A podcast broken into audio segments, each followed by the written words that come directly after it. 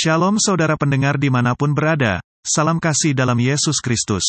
Kita berjumpa kembali bersama Renungan Harian Podcast Rohani. Apa kabarnya Bapak, Ibu, serta saudara sekalian? Semoga Bapak, Ibu, serta saudara-saudara selalu dalam keadaan yang sehat oleh karya kasih Yesus Kristus. Saudara sekalian, hari ini, kita akan belajar tentang pedang roh kudus. Mari kita buka Efesus 6 ayat 17. Efesus 6 ayat 17 berbunyi, Terimalah pedang roh, yaitu firman Allah. Saudara-saudara sekalian, perisai digunakan untuk melindungi, sementara pedang berfungsi untuk menyerang musuh. Bila seorang prajurit mempunyai pedang, tetapi tidak punya perisai, ia hanya dapat menyerang. Bila seorang prajurit mempunyai perisai tetapi tidak punya pedang, prajurit itu akan selalu diserang.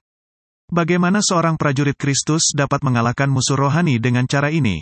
Hanya dengan mempunyai kedua-duanya, Seorang Kristen dapat menyerang sekaligus bertahan di waktu yang sama, berperang dengan tenaga penuh dan menuju kemenangan. Pedang Roh Kudus adalah firman Allah. Alkitab mencatat, sebab firman Allah hidup dan kuat dan lebih tajam daripada pedang bermata dua mana pun, ia menusuk amat dalam sampai memisahkan jiwa dan roh, sendi-sendi dan sumsum, ia sanggup membedakan pertimbangan dan pikiran hati kita. Ibrani 4 ayat 12 kita harus mengalahkan iblis melalui darah domba dan kebenaran yang diberitakan oleh Tuhan Yesus. Iblis takut dengan kebenaran, bukan dengan hikmat manusia. Orang yang sudah lama percaya, yang datang di setiap kebaktian dan mendengarkan firman kebenaran, sering kali dianggap sebagai umat percaya yang teladan.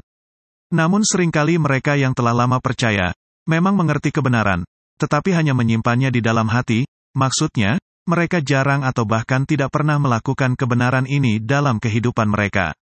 Haruskah umat percaya hanya menjadi jemaat, klub pendengar, seumur hidupnya? Kita harus bertanya pada diri sendiri bagaimana caranya kita dapat tumbuh dan menjadi dewasa. Kita harus menemukan sekali lagi bagaimana kita dapat mengalahkan iblis. Mempelajari firman Allah menuntut kita untuk meyakini firman itu dan mempelajarinya dengan mendengar dan bertanya, seperti yang dilakukan Yesus di bait Allah. Selama ibadah di gereja, kita hanya dapat mendengar saja. Karena itulah, bila sebuah gereja tidak pernah mengadakan acara pemahaman Alkitab atau sesi tanya jawab kebenaran, umat percaya akan terus-menerus menjadi anak-anak yang belum putus susu hingga akhir hidupnya. Mari kita memohon kepada Allah untuk membuka mata hati kita untuk menyadari ketidakdewasaan kita sebagai pengikut Kristus.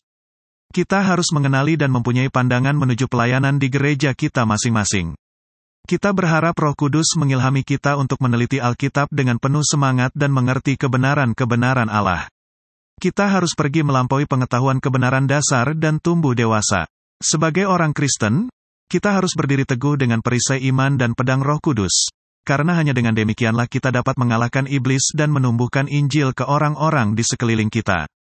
Demikian, Semoga renungan harian bersama podcast rohani hari ini membantu saudara-saudara sekalian dalam pertumbuhan iman kepada Yesus Kristus.